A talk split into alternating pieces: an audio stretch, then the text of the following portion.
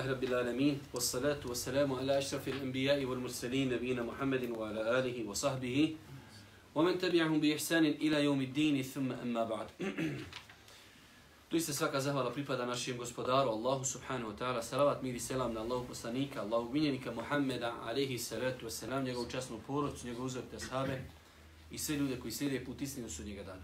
Braćuma draga, kao što znate, mi smo prošli četvrtak počeli da se družimo sa knjigom Namaz radost stoka moga.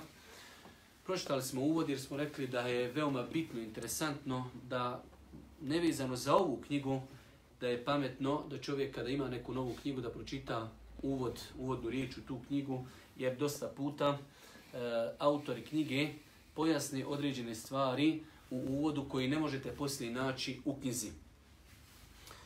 E, mi smo prošli put govorili prvenstveno o knjizi općenito i govorili smo o odlikama namaza. Večeras ako Bog da pred nama ima zaista dosta materijala kojih sam ja otprilike zacrtao da večeras priđemo, tako da ako Bog da krenut ćemo odmah s tim što kada dođemo inšala do drugog poglavlja u knjizi, a to su greške u namazu, ja ću inšala pokušati da vam pripremim određene stvari vezane za mezhebe. Pošto mi kad smo na fakultetu studirali, imali smo već u prvoj godini fakulteta jedan predmet koji se zove Tarihu Tešrija. Historija nastanka mezheba, je tako bi se to nekako moglo nazvat. I to je, vjerujte, po meni veoma interesantna tema, potrebna velikom broju muslimana, eh, koja rješaje mnoge dileme. Koja, ko, rješavanje tog pitanja, ispravno razumijevanje tog pitanja, rješava čovjeku mnoge dileme. Zašto mezebi? Šta, šta je to? Što su to mezebi? Zar to nije sve ista vjera? Kako su nastali mezebi? Zašto su, zašto su se ljudi u osnovi razišli? Pa ćemo, inša Allah, e, eh, mislim da je mnogo adekvatnije da se o tome govori kada dođemo do ovog momenta greške u namazu, gdje ćemo nekada preferirati jedan mezeb, nekada drugi, a nekada nešto u nekom mezebu i proglasiti neispravnim. Pa ćemo ako Bog da za tada, inšala, pripremiti nekoliko učinjenica koji su nam potrebne, a vezuju se za ovaj moment. Šta su to u stvari mezhebi, kako su nastali mezhebi, odlike svakog mezheba i razlozi razilaženja mezheba. Jer je to, vjerujte, kada čovjek to dobro svari i kada to savlada, to mu otvara nove vidike u njegovom ponašanju, u njegovom razumijevanju stvari, u respektu ljudi, u respektu e, ljudi koji ne radi određene stvari kako on radi, e, jednostavno ta pitanja mu otvori, e, ajde da kažemo, mnoga vrata, što je po meni veoma bitno, jer Allah najbolje zna, umetu su nastali veliki problemi, veliki problemi onog momenta kada su ljudi e, pitanjima mezheva pristupili na drugačiji način kako su tu u osnovi htjeli imami mezheba. Pa su ljudi znači uzeli mezhebe da budu razlozi zašto se neko mrzi, nešto neko voli, e, netrepeljivost e, među mezhebska, do te mjeri vi znate da unazad možda, ne znam sad tačno, ali 50, 60 ili 70 godina, ako ne manje ili više, u Mekki ste imali četiri mihraba, gdje su ljudi klanjali, svaki mezheb klanja isti namaz podnije, hajmo jedan meze, pa drugi meze, pa treći meze, pa četiri. Pa i Kindija tako i svaki namaz po četiri puta se klanjao. Što je, što je katastrofa. Što je katastrofa svatanja pitanja mezhiva.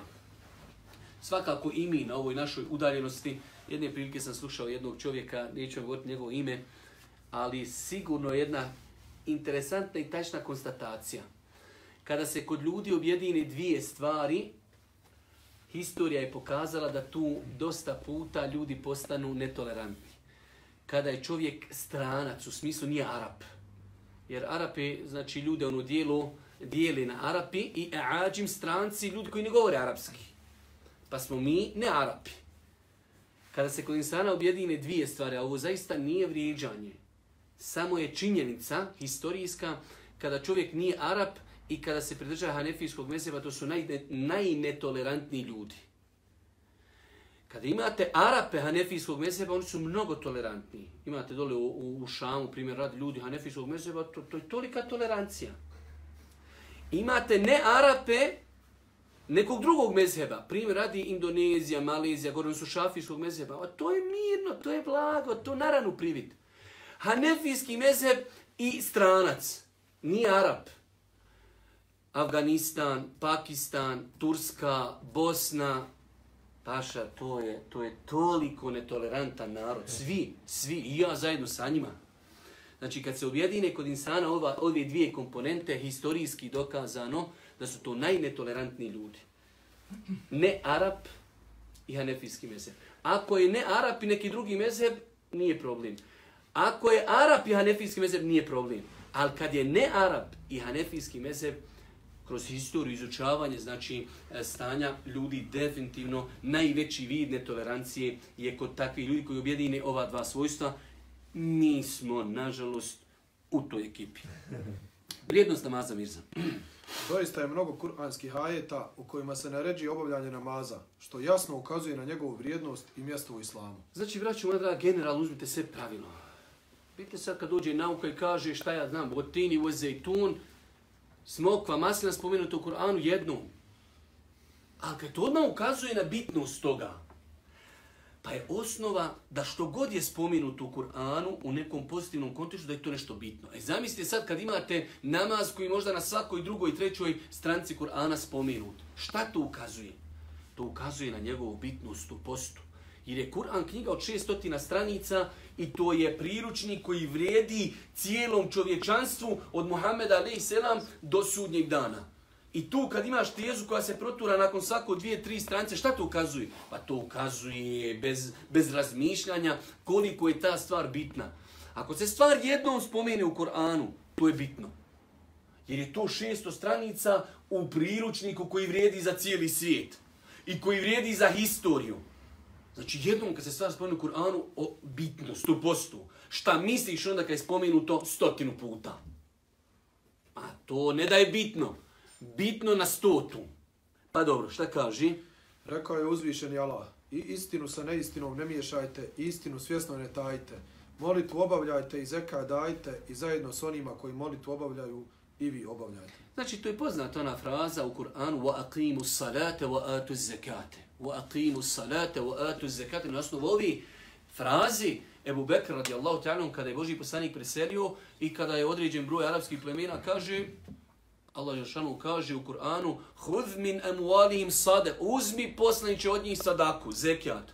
Poslanik umro kaj više mi ne dajemo zekijat. Pa je Ebu Bekr njegov glavni dokaz je bio ovo. Kaže Allah Žešanu u Kur'anu kaže wa aqimu salate wa atu zekate i zajedno i non stop spominje kaže, ko rastavi namaz i zekijat, kaže, ja protiv njega rat vodim. Tako mi Allah kaže, ako budu uskratili povodac, znate šta je povodac? Kad imate životinju, pa izmate špaku i vozite, vodite životinju. Povodac ili kaže malo jare koji su davali poslaniku, a ne dadnu ga meni, ne meni, znači njemu kao ličnosti, već njemu kao halifi, uskrate ga, ja kaže vodim protiv njih rat. Pa je Ebu Bekr radijallahu ta'ala alaikum selam, znači e, ovim, ovom frazom konstatacija u aqimu salate, u atu zekate i namaz obavljajte i zekija dajte, kazao, kaže, ko rastavi ovo dvoje, ja protiv njega rat vodim. Pa Allah je još na mnogo mjesta u Kur'anu koristi ovu frazu ili وَيُقِيمُونَ salate, وَاقِيمُ salate ili naredbena forma, ali u svakom slučaju u mnogo, mnogo kuranskih ajeta je došlo E, da uzvišnji Allah subhanahu wa ta'ala zajedno spominje e, namaz i zekat. S druge strane, u mnogim kuranskim ajetima... S druge strane, u mnogim kuranskim ajetima spomenute su vrijednosti i koristi namaza. Znači, ovo prvo je bilo, ja sam samo citirao tri ajeta, a mnogo je drugi ajet, da ne bi knjigu, ajde da kažemo, napohivali bespotrebno, mnogo je kuranski ajet gdje Allah Đelšanu aqimu salate i naređuje obavljanje namaza. Nakon toga imamo sad druge ajete koji ukazuju na bitnost namaza, kroz razno razne druge, hajde da kažemo načine. Pa primjer radi. Ispravno i potpuno obavlja namaz odvraća od razvata i grijeha. Dobro. Kazuj knjigu koja se objavljuje i obavljaj molitvu. Molitva zaista odvraća od razvrata i svega što je ružno. Obavljanje molitve je najveća poslušnost, Allah zna šta radite. Inna salate tenha anil fahšaj wal munkar.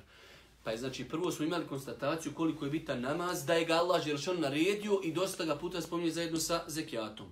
Druga bitnost, odnosno druga stvar koja ukazuje na bitnost namaza jeste da je ispravno obavljen namaz ispravno obavljen namaz biva razlogom da čovjeka spriječi od grijeha. Kako?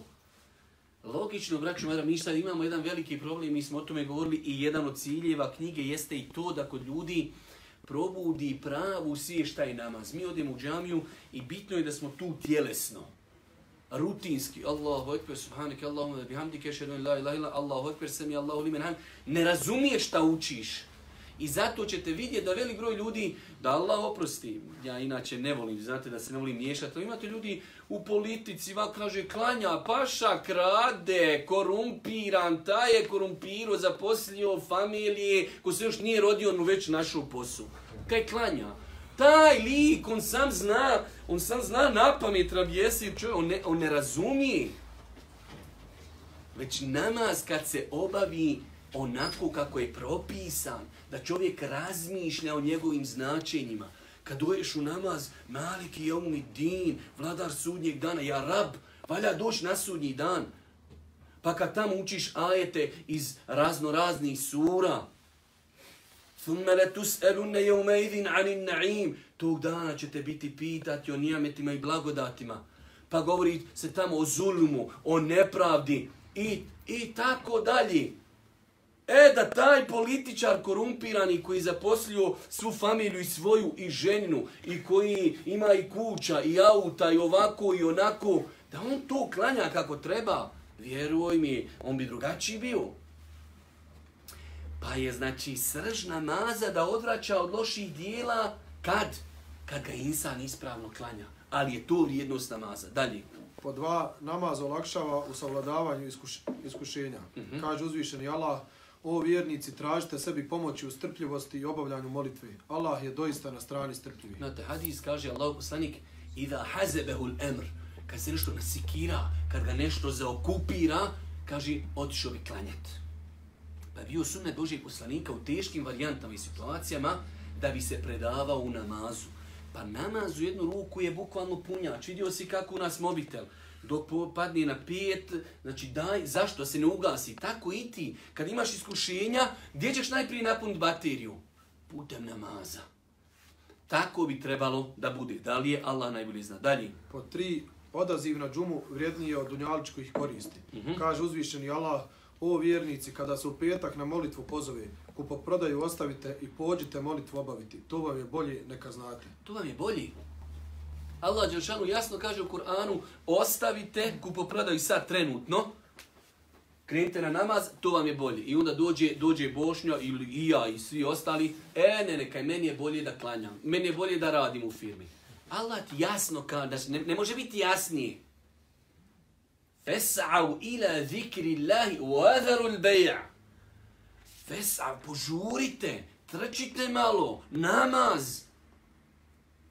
Ostavite kupoprodaju, to vam je bolje. To, ali vidite kako je ovaj naš islam fin, kako je lijep. U nas nema nešto što, što ima u nekim drugim religijama, ne radi neki dan. U nas je prije džume trgovina, prekini, džuma, još petak i opet šta je pošlo, došlo posle džume? Fantashiru fil ard. Opet se proširite po zemlji, opet za fakum. Opet za nafakum. Ali šta? Došao Ezan, uči u džamiju, klanja i završi i opet za nafakum. Pa pogledajte kako islam, islam balansira čovjekove potrebe. Imaš potrebu za dunjalkom ekstra. Po, I zajtra ustani sa sabaha petkom i do podni radi. Pauza, džuma, predaš selam, sazikriš i opet do, dok li hoćeš, do jacije ili do, do pola noći. Pa islam insanu balansira njegove ahiretske potrebe i njegove dunjaličke potrebe. Pa znači, odaziv na nama, zato i došlo ono u ezanu non stop, kako se insan ne bi zavaru. Hayya ala salat, dođite namaz. Šta još? Hayya ala falah, ovdje vam je spas. Ovdje vam je spas. I svaki insan dok ne shvati da mu je spas u džematu, u namazu, nije ispravno shvatio din i vjeru. Čekaj, je sve to ezan fino, ali zna ja sad moram nešto drugo. Kaže Allah poslanik, teri se abdu dinaru, abdu dirhem. Propo je onaj ko robuje dinaru, ko, pro, ko robuje zlatnicima i srebrenjacima. Brate, čuješ ezan i nisi se odazvao, ti robuješ nečemu drugom. Da si robovo Allahu, odazvao bi se. Ovo govorimo generalno. Može se desiti da čovjek čuje ezan, mora voziti ženu doktoru ili nešto dobro. Ali generalno on čovjek danima čuje ezan, džamija pored kuće, kaj hođa, možeš malo smanjit, budiš nas i zajtra na saba. Pa treba, paša ti mikrofon stavi i zvučnik pored ušiju da ti bubnići poispadaju. Da dođeš u džamiju, dođi na namaz, dođi na spas. Dalje. Namaz u džematu naređen je čak i u periodu ratnih djelovanja. Ovo je duži ajet, u svakom slučaju poznat ajet u suri Nisa. Allah Đelšanu govori e, kako za Allahu poslanika kad bude u ratu, pazite, koliko je namaz bitan. Ne samo da se u ratu klanja, ne, ne, u džematu se klanja. Ratna dejstva, puca se, ne, ne, u džematu se klanja.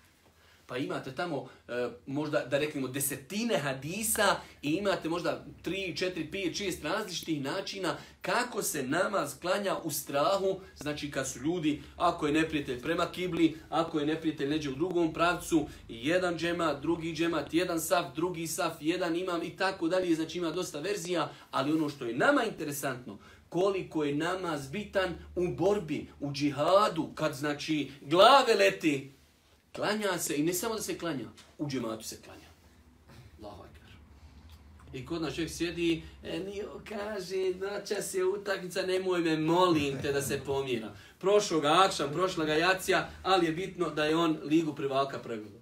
Brate, u ratu se klanja i tu džematu.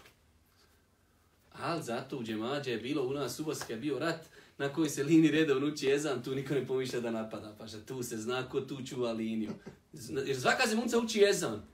I dok odu ovi koji uče jezan, ide sljedeći dan napad. Kaj, ošli su oni koji uče jezane. Ovi što ne uče jezane, već tu ima lakše prostora za kalkulisanje. Ovi što su učile jezane, boga mi, tu se ne napada. Nahaj, dalje. Ovo je nastavlja se velika nagrada. Velika nagrada.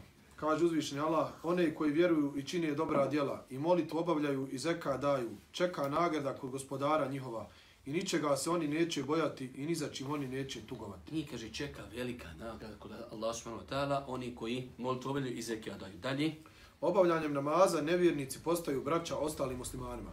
Kaže uzvišeni Allah, ali ako se oni budu pokajali i molitvu obavljali i zeka davali, braća su vam po vjeri, a mi dokaze objašnjavamo ljudima koji razumiju. Allahu ekber. Evo ja sam vama malo prije nekima ispričao,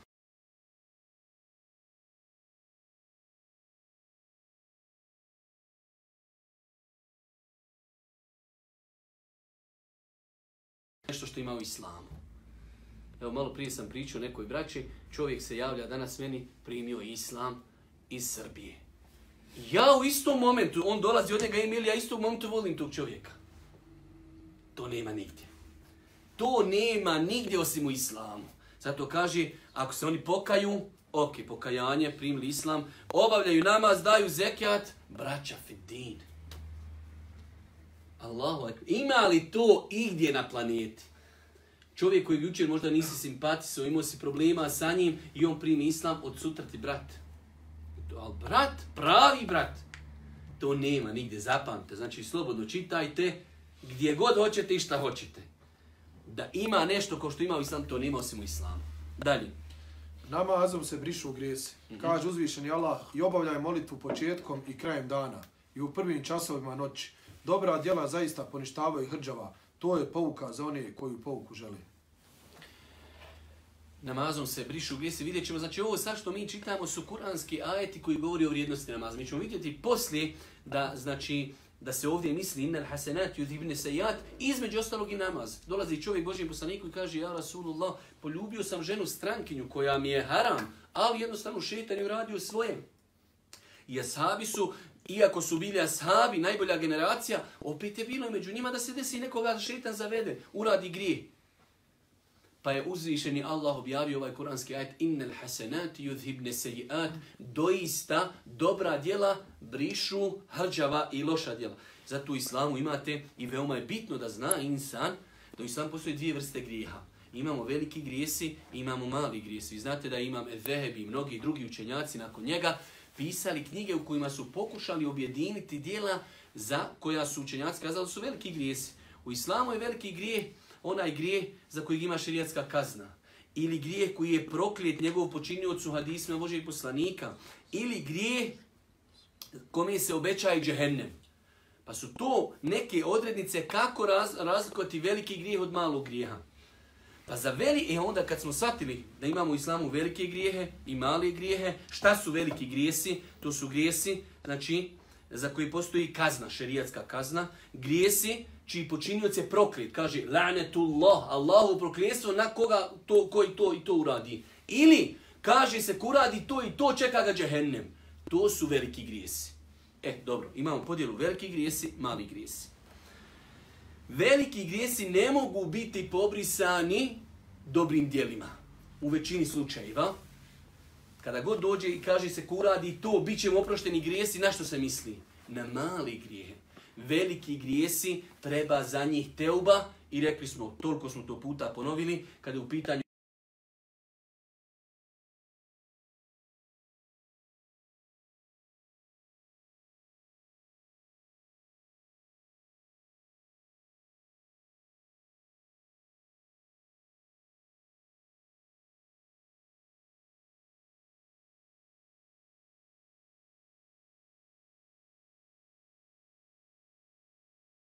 اتق الله حيثما كنت واتبع السيئه حسنه تمحوها kaže Allah poslanik boj se Allaha ma gdje bio i poprati loše dijelo dobrim temhuha u arapskom jeziku memha je gumica e ovaj glagol je taj memha kaže koji će ga pobri izbriši tamo skroz iz knjige briše se nema ga uradi dobri dje, dobro, dobro djelo koji će pobrisati loši Pa je od vrijednosti namaza u islamu da on briše grijehe koji se činu, čine između ovog namaza i prethodnog namaza.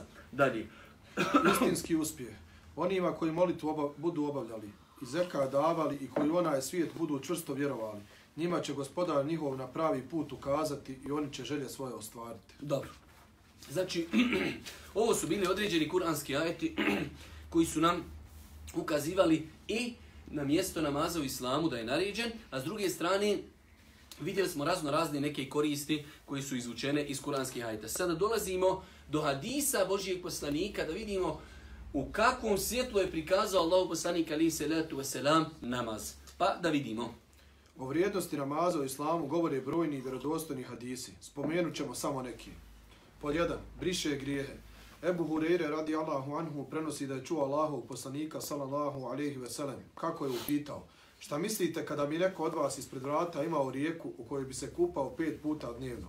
Bili na njemu ostalo imalo prljavštine? Prisutni odgovoriše, na njemu ne bi ostalo nimalo prljavštine. Tada poslanik sallallahu alaihi ve sellem reče, to je primjer pet dnevnih namaza kojim Allah briše učinjene grije. Sad pogledajte kako Boži poslanik primjerom pojašnjava nešto. Kad čovjek čuje ovaj hadis, skoro pa nemoguće da ga poslije zaboravi. Imate neka čovjek ti kaže neku informaciju, ono brzo ti kaže ti zaboraviš. Ali kad ti to pojasni na primjeru i kada se to ureže u memoriju tvoju, završena stvar. Kaže Boži poslanik, šta mislite kad bi neko imao pored kuće rijeku i kupao se u njoj pet puta? I odmah sebi zamisliš, rijeka teče, ti se kupaš pet puta, čisko suza.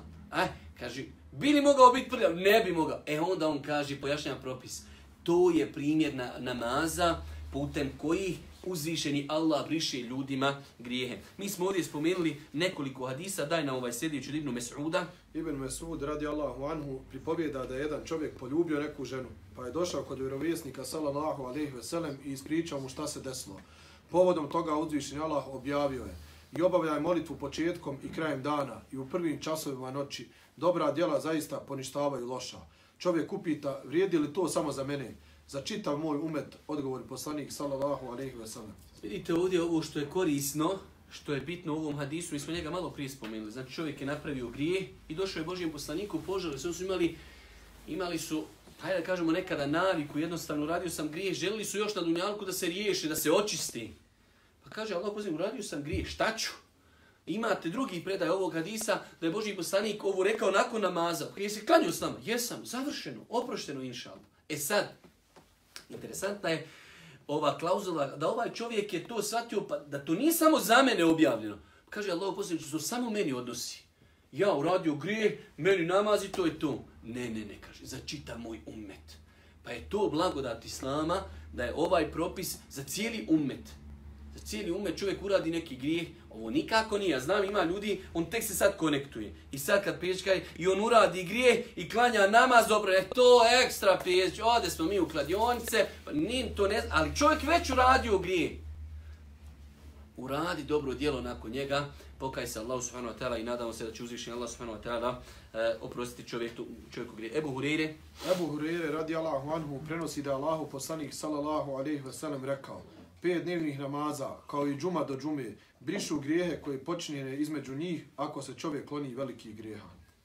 Aha, ova klauzula nam je bitna.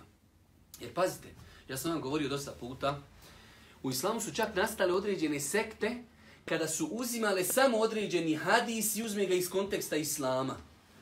Ja sam jučer komentarisao, kad sam e, komentarisao Rijadu Salihin, imate hadise, kaže Allah poslanik men salla verdein. Ući u džennet, ko sklanja sabah i kindiju. I kaže, alhamdulillah, peđiš tamo tumači pet, evo ga, nad dva smo sveli. Brate, to je, uzeo si hadis iz konteksta, jest, to je vrijednost. Ali hajmo se vratiti na temelj Islama. A temelj Islama je da je naređeno pet namaza. Pa je ovaj hadis došao kao posebna odlika. Tako znači i ove stvari. Ako neka dođe kaže, šta ja znam, ko posti dana refata oprošnom grijesu, alhamdulillah, ko maša, celkom cijele godine je čovjek napravio grijeha, meleki potrošili, samo Allah zna koliko tinte pišući. Alhamdulillah, ženo je refat, jest. Jedan ćemo dan prije da ne bi slučajno nazezlno, jedan dan prije, jedan dan poslije i postili smo sve, sve nam obrisano. Brate, ne može tako. Moram uzeti sve hadise i zato vam kažem, javljala su se sekte, Kaže, Boži poslanik, kad je sredosan, ko rekne, la ilaha illa uče u džennet. Alhamdulillah, je slahka vjera. Samo rekneš jednom, užva, rodio se, la ilaha illa, la ilaha illa, dobro je, završio si, ušao si, kupljena karta, čekiran, sam čekate prozovu. Ne klanja, ne posti, krade, ubija, la ilaha illa, la, idemo. Brate, pa čekaj malo, ima li još išta u toj vjeri? Pa i ovo, i reč tunibetil kebair, džuma do džume, namaz do namaza, briše grijehe, ako među njima nema velike grijeha. Pa je veoma bitno u islamu, čak i u propisima. Nekada, vidjet kad budemo govorili o razilaženjima među lemom, veoma je bitno kad hoćeš govoriti o određenom pitanju, sabrati sve argumente na jedno mjesto i pogledati sve rivajete o tom hadisu, jer nekada jedan rivajet ima samo riječ koja zaklopi raspravu među učenjacima. Pa da bi znači e, određeno pitanje absolvirali, moraš uzeti sve argumente i onda doći do ispravnog mišljenja. Tako i ovdje. Brišu se grijesi koji, ako se kaže izostavi veliki grijes. Dobro. E, ovaj hadis, neću seći dalje, broj dva, najbolje dijelo. Najbolje dijelo. Ibn Mesud radi Allahu anhu kazuje. Upitao sam Allahov poslanika sallallahu alaihi ve sellem koje je od svih dijela najbolje. Namaz obavljen u propisano vrijeme, odgovori on. A zatim upita ga, a on reče, dobročinstvo prema roditeljima. Zatim koje upita ga opet, a on odgovori, borba na Allahovu putu. Znači najbolje djelo, kažu došli ljudi, ka, Allah poslije, šta je najbolje djelo? Ko pita? Muslimani pitaju. Šta je najbolje? As-salatu ala waktiha, Namaz u njegovu namazku vreme. To je najbolje djelo koje možeš uraditi. Thumme ej, šta nakon toga? Berrolu alidein. Dobročinstvo roditeljima. Thumme ej, šta nakon toga? El džihadu fi se bila borba na Allahom putu. Pa je znači od odlika koji je spomenuti u hadisma Božijeg poslanika, u vjerodostojnim hadisma od namaza vrijednost, jeste da je to najbolje djelo koje možeš uraditi. I zato mi daje smo otrcali jezik, govoreći ljudima, ušu si u islam, ne znaš kud bi šta bi, ako je nešto krenuo, ali ne znam kuću. Namaz, pa stekija, knjiga, safet, kud zaš nuči klanjati, tuda počni. To je najprije počni tuda. To je najbitnije što možeš uraditi u životu. Početi redovno klanjati ne znaš, zbunio se, čovjek donese Buhariju, četiri toma volku. Počneš čitati, ja rabu, šta je ovo sad sve? Ne, ne, brate, položiti, ja kad, namaz. Namaz, to je najprije, najprioritetnija stvar u islamu. Dalje. Temelj islama. Ibn Omer radi Allahu anhu prenosi da Allahu poslanik sallallahu alejhi ve sellem rekao Islam se temelji na pet stvari. Svedočenju da nema Boga osim Allaha i da je Muhammed njegov poslanik obavljanju namaza, davanju zekata, obavljanju hađa i post mjesecu Ramazana. Znači, od odlika koji su spomenuti od Isma Božih poslanika, vrijednost namaza jeste da je to temelj. Kaže, bun je, islam, bun je znači bena, jebni izgrati što sagrati. Islam je sagrađen na tome. To su njegovi temelj bez koji ne može. Može li kuća biti bez temelja? Može, švit prvo klizište i ode dole, iz Briješća dole se išla u, u Rajlovac. Temelj, eh, paša, to je čuva. Jak temelj, tako isna, musliman, muslim, kaj, klajaš, ne klajam, postiš, ne postiš, išao nađ, nisam, po, zekijat, ništa. Šta musliman? Čime, brate, šta je Allah ti tvoj islam? Znači, svaka stvar ima svoje temelje. Vidio si auto, Auto, brate, kad kupuješ auto, malo far okrenje, novo, dobro, kakav, šta se pije, kakav mu je motor, koliko je prešlo, kakav mu je mjenjač, to su temelji. Pa nešto malo zaparano, tu, to ćemo zakreći, čovjek zafarbat ćemo, da vidimo temelje. E, takav je islam. Fino je dat malo i sadake, fino je se i nasmijat nekome, fino je ovo zikrit, la, la, sve to lijepo. Ali da ti meni, brate, temelje. Pa je namaz temelj islama. Dalje. Prva obaveza u islamu nakon izgovaranja šehadeta. Uh Mhm. -huh. Muaz radi Allahu anhu pripovjeda. Allahu poslanik sallallahu alaihi ve sellem poslao me u Jemen i rekao Ti odlaziš narodu koji je sedbeni knjige, pa ih prvo pozovi da posvjedoče da nema Boga osim Allaha i da sam ja Allahu poslanik. Ako ti se u tome pokore, obavijesti im da im je uzvišen Allah kao strogu obavezu propisao pet namaza tokom svakog dana i noći. Ako, se, ako ti se u tome pokore, obavijesti im da je uzvišen Allah strogo propisao davanje zekata, koji će se uzmati od njihovih bogataša i dijeliti njihovim siromasima. Ako ti se u tome pokore, onda ne dira ono što je u njihovim, njihovom metku najvrijednije i dobro se čuvaj dove onome kom je učinjena nepravda, jer između nje i Allaha ne postoji nikakva prepreka. Ovaj hadis je, braću moja draga, definitivno, da bi ga čovjek prokomentarišao, potrebno čitao predavanje. Je jedan veliki temeljni hadis u islamu, pogotovo njegova vrijednost je veća iz kojeg razloga? Što je izrečen na kraju života Božih poslanika. Ovo da je hadis izrečen u Mekke, mi mogli reći, pa čekaj, derogirane su neke stvari. Ne, ne, ovo je kraj života. Jer Boži poslanik je krenuo Muazu, kaže, la'alli ma el qake badeha mi'aza. Možda te poslije, možda sad u, ideš u Jemen, ja te možda više neću vidjeti. I nije ga više ni vidio. Kraj života. I na kraju života mu daje ove smjernice da u islamu šta ima? Postepenost. Prvo mu daje instrukcije kome ide. Kaže, ideš ljudima koji su sljedbenici knjige, Ehlul Kitab. Pa ih, njima je, znači, najprioritetno da ih pozoveš da vjeruju u Allaha. Da ne vjeruju u trojstvo ili šta ja znam već šta vjeruju. Nakon toga, namaz. Pet namaza u toku dana i noći. Ovaj hadis je jedan od jake argumenta šta? Da vitre nisu vađib.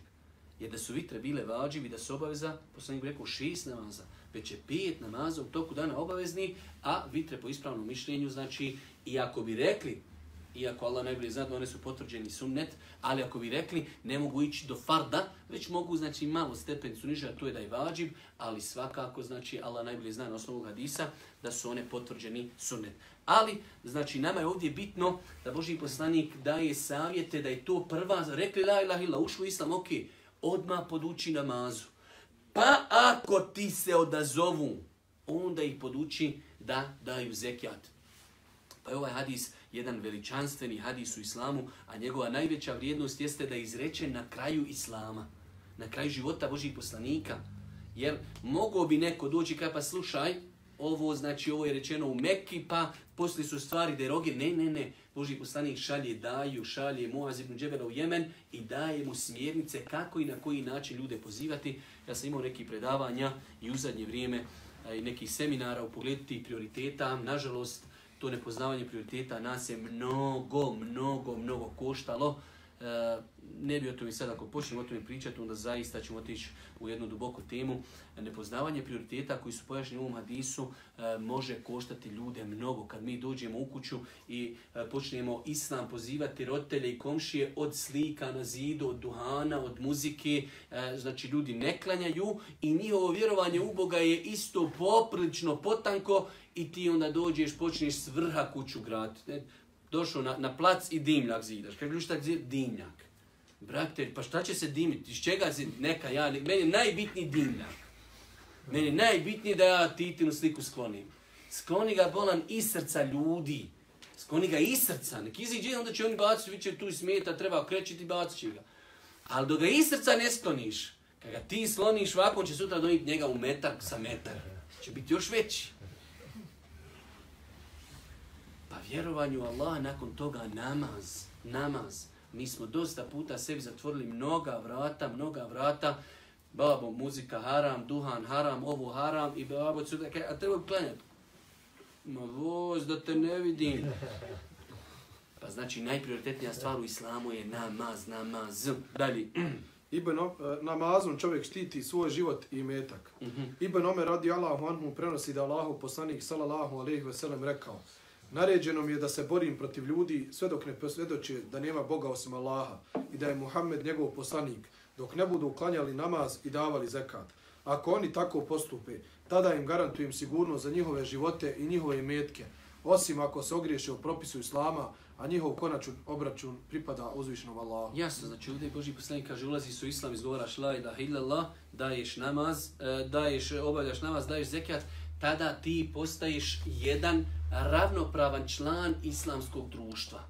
Sve što imaju svi drugi članovi, znači od privilegija, imaš i ti te privilegije, prvenstveno čovjek na taj način živi, e, znači čuva se njegov život i njegov imetak.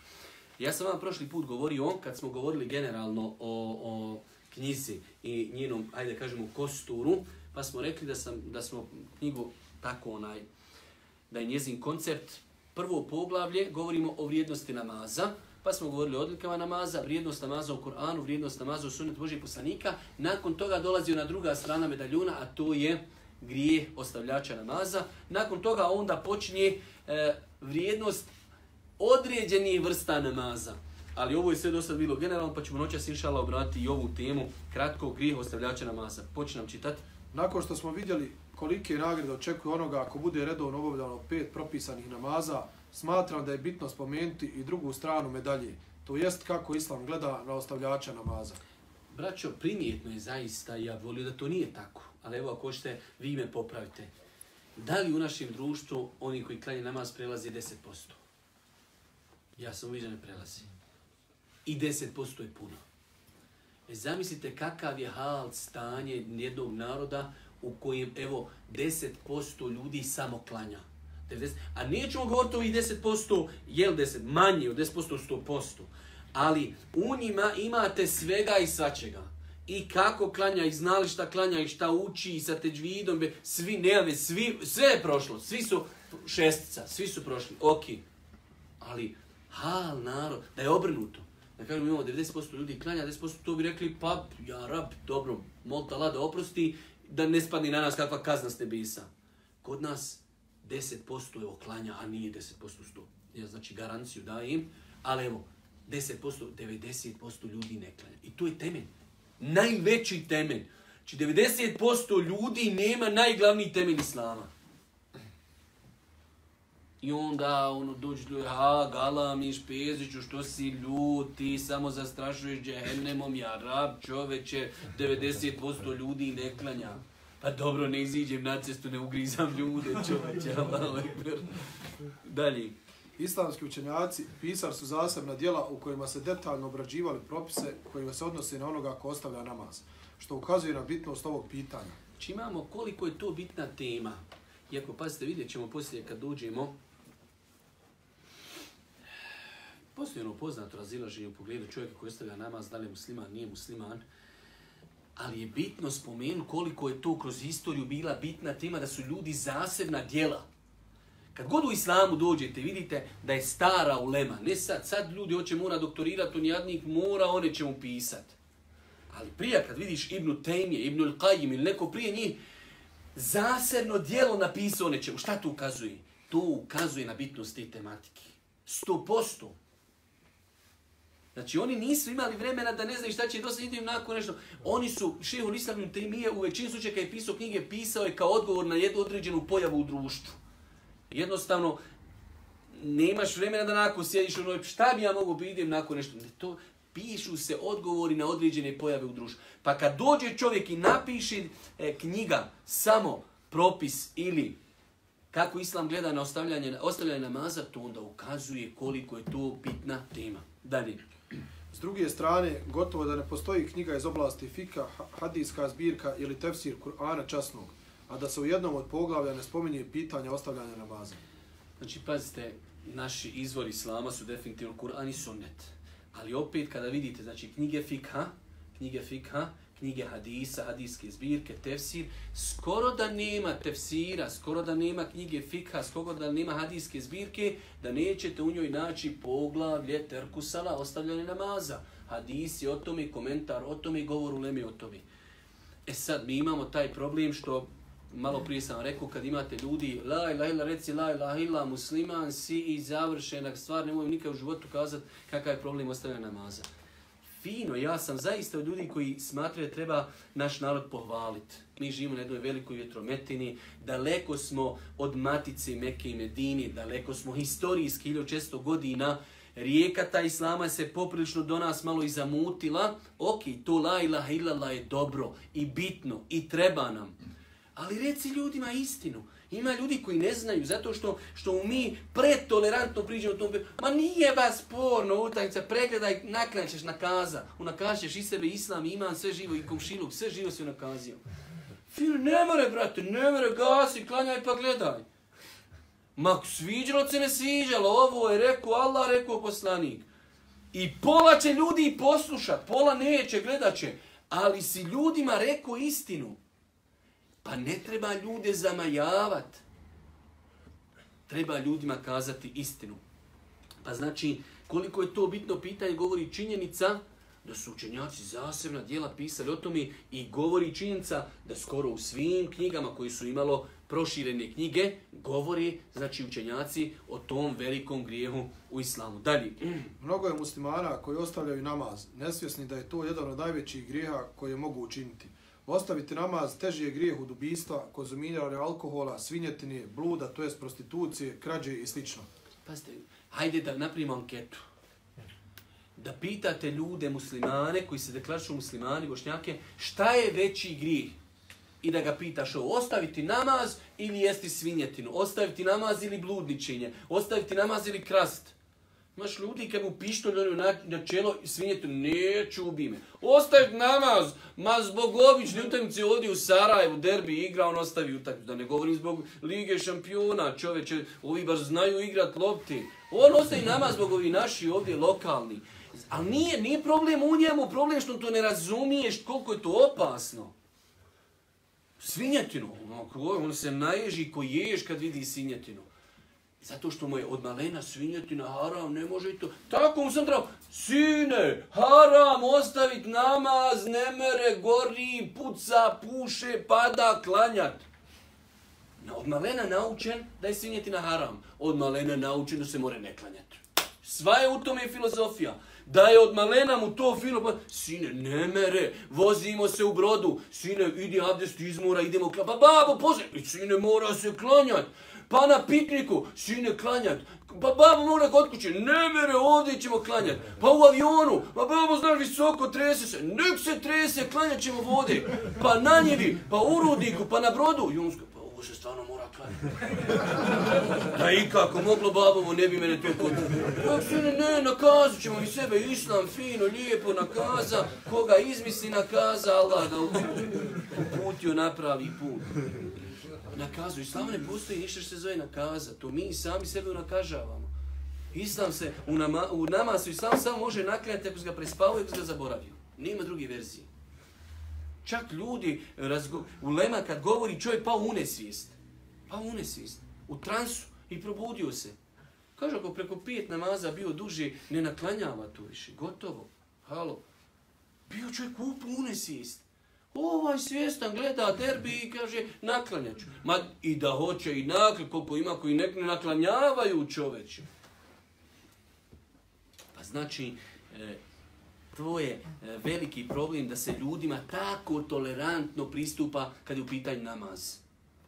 Pa obrnuto. Pogledajte sad citat Ibn Kajima. Šta kaže Ibn Kajim? Ibn Kajim je rekao, muslimani se ne razilaze u vezi s time da je namjerno izostavljanje obaveznih farz namaza toliko da prođe namasko vrijeme, jedan od najvećih grijeha i da je ostavljanje namaza veći grijeh od ubijstva, bespravnog uzmanja i metka, bluda, krađe, pijenja alkohola, te da se počinila s tog grijeha izlaže Allahove kazni i srđbi i na dunjaluku i na ahiretu. A šta, ali vidite šta je još gori? Šta je, kaže, muslimani se ne razilazi u tom pitanju. Ne, nije, on je mogo reći, el ulema, ulema se, ne, muslimani, znači, raja, čaršija se ne razilazi u tom pitanju da je namaz ostaviti teže nego svi oni ispobrojeni grijesi. Nije, imate, znači, nešto se zove iđma'ul ulema, konsenzus učenjaka. On, iđma, konsenzus ljudi, svakog muslimana, to svaki musliman treba da zna, propustiti namaz, ali klauzula ovdje, toliko da prođe namasko vrijeme. Završeno. Teže nego ubijstvo, teže nego krađa, teže i tako dalje. Veoma opasna stvar koja se tako uvukla u naše redove da je to tako nešto lako ostaviti namaz zbog neke sitnice.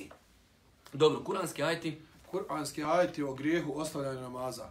Uzvišeni Allah kaže, svaki čovjek je odgovoran za ono što je radio, osim sretnika. On će se u dženeckim bašćama raspitivati o nevjernicima. Šta vas je u sekar doveo? Nismo, reći će, bilo od onih koji su molitvu obavljali i od onih koji su siromahe hranili i u besposlice smo se sa besposlicanjacima upuštali i sudnji dan smo poricali sve dok nam smrt nije došla. Znači, šta je to što ste u džehennem vas dovelo? Šta su rekli prvo? Lem nekum minel musallin. Nismo namaz obavljali prvi, znači, njihov i'tiraf, njihovo priznanje, Allah nam to daje danas da mi pročitamo, da ne budemo mi od ovih koji će to reći. Zašto Allah govori ljudima o sudnjem danu? I zašto im govori o patnjama džehennema? Zašto im, da ne budeš ti taj, da to pročitaš i da kažeš, alhamdulillah, to je meni rečeno i ja neću da budem taj. Imamo još nekoliko kuranskih ajeta, ali mi ćemo, mi ćemo prijeći na hadise koji govore o toj temi. Hadisi o veličini grijeha ostavlja namaza. Pod jedan. Džabir radijallahu anhu prenosi da Allahu poslanik sallallahu alaihi ve sellem rekao zaista između čovjeka i širka i nevjerstva ostavljanje namaza. Ovaj hadis je poznat, hadis, braću moja draga, i on ima svoja razno razna tumačenja. Definitivno, možda neki ljudi i nekad i pogrešno shvati ovaj hadis, ali nama je bitno nekad uzeti hadis po vanjštini. Juče sam ja komentarisao onaj hadis, možda će nam doći i ovdje, e, kada Allah poslani kaže e, ko ostavi namaz i kindiju, propala mu djela. Ima u Leme i po meni je to najprioritetnije, jer Boži poslanik da je htio nešto drugo reći, on bi to rekao, jer je Allah, Allah poslanik bio izrazito veliki poznavac arapskog jezika. Kaže, kom stavi kindiju, propala mu dijela. dolazi i poslije ulema da to prokomentariše, pa da, velik broj lečenjaka je kazao, to ne znači ako jednom ostaviš ikindiju, će ti sva djela otići. Ali ostavi hadis ovakav kakav jest. Ostavi hadis ovakav, i ovu, ostavi hadis, hadis kakav jest. Jer nekada određeni hadisi imaju u sebi tu, hajde da kažemo, primjesu zastrašivanja koja je potrebna neka čovjeku. Pili se kad tamo se kaže, kaže, neće niko od vas vjerovati, pa hadis. I onda mi dodam u prevodu, neće potpuno vjerovati. Mogu je poslanik reći, neće potpuno vjerovati. Poslanik neće vjerovati. Zašto? Te zastraši malo. Ako ja ne volim bratu muslimanu ono što volim sebi, ja nisam vjernik pa po hadisma Božih poslanika. Su malo zastrašio, Ja pa šta je sa mnom? Pa nisam potpuno, pa doho, alhamdulillah, imam ja 70%, dobro je, ne moram biti potpuno. Kaj nije niko potpun. E, alhamdulillah, odmah si riješio pitanje. Nisi riješio. Poslanik kaže, neće vjerovati ko to to čini. Tako se i doživljava hadis. I ovdje, zaista između insana, čovjeka i širka i nevjerstva ostavljaj namaza. Nemoj, brate, ovako ga ostavi kako stoji. Treba nekad razumjeti kako ne bi, ne daj Bože, otišli u tekvir, kako ljude ne bi proglašavali nevjernicima. Ali treba u datom momentu ima ta doza malo zastrašivanja. Jer kad se uvijek nisi potpunog imana, nije te odjelo u kufr, nije te odjelo u širk, ma more li na teferiću, se bosa volo na more, koride, samo udri paša. Ne mere. Zaista. Dobro, hadis broj 2. Enes radi Allahu anhu prenosi da Allahu poslanik sallallahu alejhi ve sellem rekao: Između roba i širka ne postoji ništa drugo osim ostavljanja namaza, pa koga ostavi počinio je širk. Pogledaj ovo sad. Moral te više zastrašiti. Ako insan ima imana u sebi, ovo je najgori. Između insana i širka.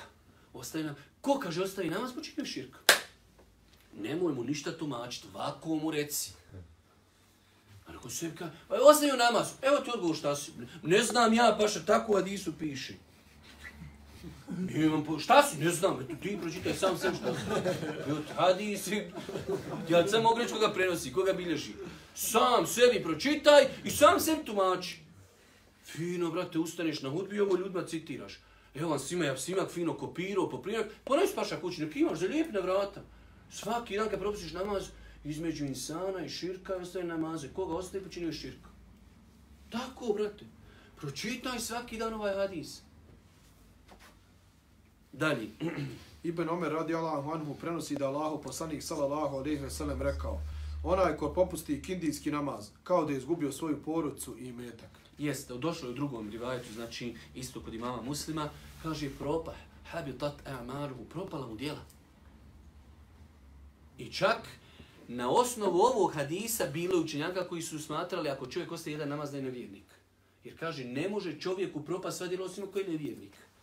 Ja neću da reklim da ja zasunu taj stav, ali jako mišljenje. Dokaz poslanik kaže, ko ostavi kindiju jedan namaz, propala mu sva djela. Vi znate da u islamu samo propadaju čovjeku djela kad? Izbaciš ga iz vjeri, ne mre drugačije. Ne mre nikako biti ostao u islamu i opet mu djela propala. Pa je bilo učenjaka koji su na osnovu ovog hadisa smatrali da jedan namaz čovjek izlazi iz islama. Crveni, paš. Pa znaš šta je, nisam namjerno. Izlaziš i to je to. Ljudi kod nas hoće da igraju najskuplju utakmicu na svijetu koja se zove Islam. Hoće da uđu u džennet bez ikakvih poteškoća i bez ikakvih odrednica. Praša ragbi je ragbi, pa ima opet neki faul. Kamol futbal je futbal. Futbal, ljudi igraju, paša, crveni karton, izvinite, gospodine, izlazi. Pa plaće ovaj, nešto se za, zagrcno se dole, pa ne bi ja išao. Halo, security, budite ga izdavšena stvar, paša, ispadaš. Islam je najveća naša životna utakmica, paša. Mora biti neki okvir, mora nešto biti. Hajmo, imamo li... Ja bio neki dan na jednom selu, kaj ljudi sa više niko ili še ne čuva ovce, sad kaj struju postaviš, kaj struja čuva ovce, ovca dirne struju, pobiže od struje. Hajmo neku postaviti ogradu islamu, hajmo neku struju, kad dirneš da te strese nešto, brate. Ima li u nas free? U nas je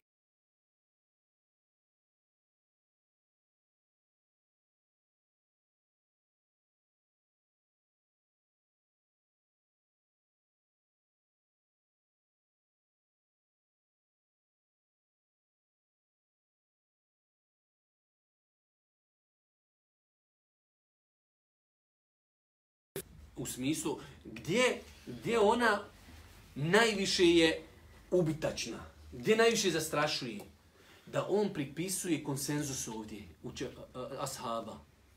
On je mogao reći, ba'du sahabe, određen dio učenja, a ashaba je to, ne, ne, kaže, as-sahabe, svi ashabi, jedino djelo za koji su svi bili spremni da reknu ko ostavi to djelo, to je nevjerstvo, namaz.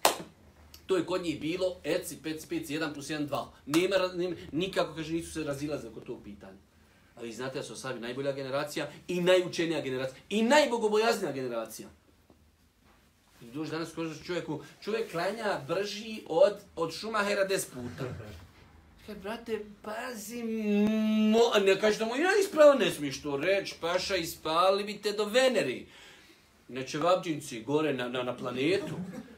I ti kažeš, možda bi ti namaz mogu biti neispravan. O, vi namaz proglašavate neispravnim. Paša, vidi ovi ljudi, najbogobojazni ljudi na planetu, kaj ne klanjaš, smatrajte na muslimanom. Ashabi kaj nisu smatrali nijedno dijelo kog ostaviš da spočinaju, osim namaz. Ashabi, najbogobojazniji, najbolji i najučeniji. Nima to. Ne smiješ, ne smije ti šeitan došap da je neko od njih učeniji, da je neko bogobojazni, da je neko bolji, da neko razumije vjeru bolje od njih. Ma nemoguće. Nemoguće. I oni kažu konsenzus. Dalje.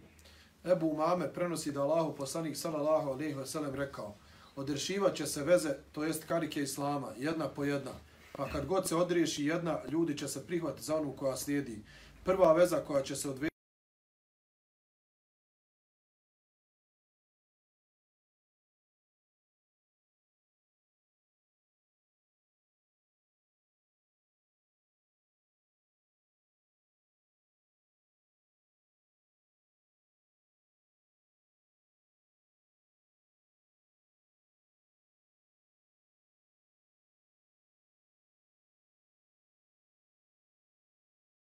jer je on zaista ključ svakog zla.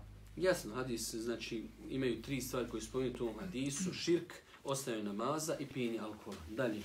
Ubad ibn Samit radi Allahu anhu prenosi da Allahu poslanik sallallahu alejhi ve sellem da da je čuo Allahu poslanika sallallahu alejhi ve sellem da kaže Allah je ljudima propisao pet namaza pa ko dođe s njima i nije ništa od njih izostavio ima od Allaha obećanje da će ga uvesti u dženet a ako ne dođe s njima nema kod Allaha obećanje ako htjedne kaznit će ga ako bude htio uvest će ga u dženet Opasno, znači definitivno svi ovi argumenti oni se mogu tumačiti s jedne strane, ali isto tako imaju dozu zastrašivanja. Dobro? Ovo su samo neki argumenti koji ukazuju na to da je ostavljanje namaza jedan od najvećih grijeha. Na osnov, na osnovu ovoga, dio islamskih učenjaka smatraju je svjesno ostavljanje samo jednog namaza dijelom koji izvodi iz islama. Stoga bi vjernik i vjernica trebali paziti na svoj namaz i ne dopustiti da ga iz bilo kojeg razloga propuste kako se citirani argumenti ne bi odnosili na njih. Znači, braću moja draga, ja nisam htio ciljano da govorim o tom pitanju detaljno. Jer jednostavno smatram da za naše podneblje to preteško. Zaista, znači, znam šta sam pisao i pisao sam svjesno. Govoriti o ostavljanju namaza kroz govor islamskoj učenjaka je za naše podneblje preteško. Koliko su ljudi žestoko gledali na to pitanje. Koliko su ljudi žestoko gledali na to pitanje. Pa bi vjernik, znači imate ono pravilo poznato u, u, u islamu, a to se zove huruđ min el hilaf. Da čovjek ne radi dijela u pogledu koji se ulema razišla kako ga ne bi taj hilaf, što bi rekao, progutu. Najbolje, ako se ulema u pogledu nečega razišla, jedni kažu halal, jedni kažu haram, ti to nemoj činiti i jednostavno na tebe se neće ništa odnositi. Pa insan vjernik kada pročita sve ove argumente koji ukazuju na vrijednost, ukazuje sve argumente koji ukazuju na opasnost, I onda dođe da ima ulemi, velike ulemi, nije to, znači, obično, velika ulema, jedan namaz propustio, svjesno, nisi još i musliman. Opasno, što bi ja ostavio jedan namaz i da se govor određenog broja veliki učenjaka odnosi na mene. Budeš ramda redovan i kod svi si u redu. Dobro, da vidimo samo kratko stav Hanefijskog mezheba i time ćemo inšallah i završiti. Stav islamskih učenjaka prema onome ko ostavi namaz. U knjigama Hanefijskog meseba često se nakon konstatacije da je ostavljanje namaza veliki grije i da je takva osoba fasik, to jest grešnik, govori o tome kako se tretira osoba koja namjerno iz nemara ostavlja namaz. Znači, pazite, prvo ulema konstatira namazne, e, ostaje namaza grije. Sad dolazi u tim momentima, znači kada ima tu vlast, dolazi do sankcije. Znači, to je toliko krupno djelo da se sankcionišu ljudi. Znači, čovjek ne klanja. Misliš da, on, ja ne klanjam, šta, šta koga briga, šta ja ne klanjam? Čao, ima šta, pomerov koji rješaje mnoga pitanja. Jer imate izrev, kaže, inna Allahe jeze'u bi sultani, mala jeze'u bil Kur'an. Allah neke stvari putem sultana, putem vlasti, putem, znači, rješava nešto što ne rješava Kur'an. Kur'an citiraš ljudima kao, pa dobro, znaš što jesi. Odvamo, imamo mi zato jedan drugi metod. Ima ljudi koji citiraš majetnju, kao, alhamdulillah, odmah slušam. Ima ljudi citiraš mu ništa. E, imamo mi druge metode koje isto tako dovode društvo u red. Dobro. U mnogim knjigama Hanefijskog meseba spominju se kazneno popravne mjere koje vlasti preduzimaju vezano za osobu koja namjerno iz nemara ostavlja namaz. Rekli su Hanefijski učenjaci, ako bi namjerno iz nemara ostavio namaz, udara se žestokim udarcima sve dok mu ne poteče krv. U drugim knjigama spominje se da se ostavljač namaza zatvara u zatvor dok ne počne klanjati. Treba napomenuti za one koji pomisle da je Hanefijski mezeb žestok i strog u vezi s ovim pitanjem, da je taj mezeb u stvari najliberalniji. Bez sumnje, to je pokazatelj koje mjesto u islamu zauzima namaz. Znači imamo prvo da se udara i drugo se zatvara. To je u Hanefijskom i to je najliberalno, zaista. Znači ja nisam trio iznositi mišljenje džumhura, znači ovo je najliberalniji. Ovo je najliberalniji da se tuče čovjek do to, znači koja je granica, nek malo prokrvari. Znači nije to da idu onako neke batince po rukama, to su dobro se čovjek znači nalupa da krva. I ovo nisam, nemoj da neko gleda u mene, a nefijski mezem ljudi. I zatvor. Mi bi mi imali bi, znači u nas bi bila velika naselja zatvora. Znači, to je bila, razumiješ, to je bilo 90% u Bosni zatvori. Ne bi, ne bi, vjerujte, Islam je toliko savršen, toliko lijep, toliko potpun, da ljudi, znači, samo kad se to ljudima prikaže, e, da, da ljudi 100% te stvari poprave u svom životu.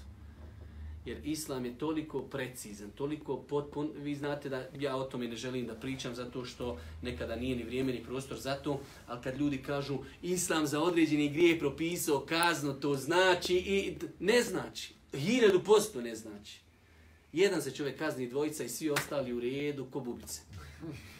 Sto posto, a hiljadu posto, milijon posto, zašto? Jer je to zakon uzvišnog Allaha subhanahu wa ta'ala. Uzvišeni Allah neće čovječanstvu propast putem kažnjavanja. Hoće samo da ljudi budu u redu. Hoće samo da ljudi, što moj jedan rahmet Lamića kaže, vidio si kaj medo je medo, ali medo nauči voz biciklo.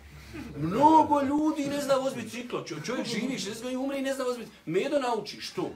Tolja ga tu, tu, tu, tu, medo na biciklo i vozi. I ti kaj medo, biciklo, voza čovječe.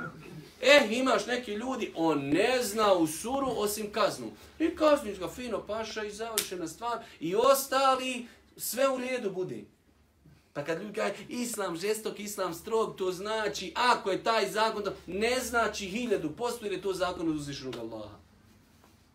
Jednostavno, ljudi nekad mogu biti da Allah oprosti gori od hajvana, sto posto, I znači jednostavno imaju pravila, imaju smjernice koje ljude drži, znači da jednostavno niko nikom zulum ne treba. U islamu najveći problem jeste zulum.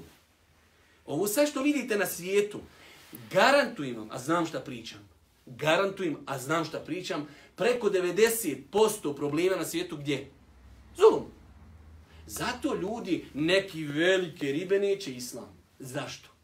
Islam Nedavno. I, znači, čupa ga iz korijena paša. Ulazi dole za njim, gdje sakriš, on izvučete. Nema zuluma u islamu. To je islam, tako mi je Allah. I danas, ovo što ljudi napuhuju, islamofobija, islam, vehabija, terorist, to je samo glavni problem. Šta? Teško nam se odreći zuluma, eksploatacije cijelog svijeta, eksploatacije islamskog svijeta, ubijanja, to, ništa drugo. Paša Islam, ma fino, spavaš ovdje na cesti. Nema nikakav problem. Sigurnost, apsolutna. Tako i pogledu namaza. Ali je propisano, znači u Hanefijskom mezebu, ono što smo prošli, molim Allah subhanahu wa ta'ala da nas učite na putu istini, molim subhanahu wa ta'ala da nam omiri ibadete, na kraju subhanahu wa ta'ala, da nam omiri ibadete, da nam omiri ibadete, da nam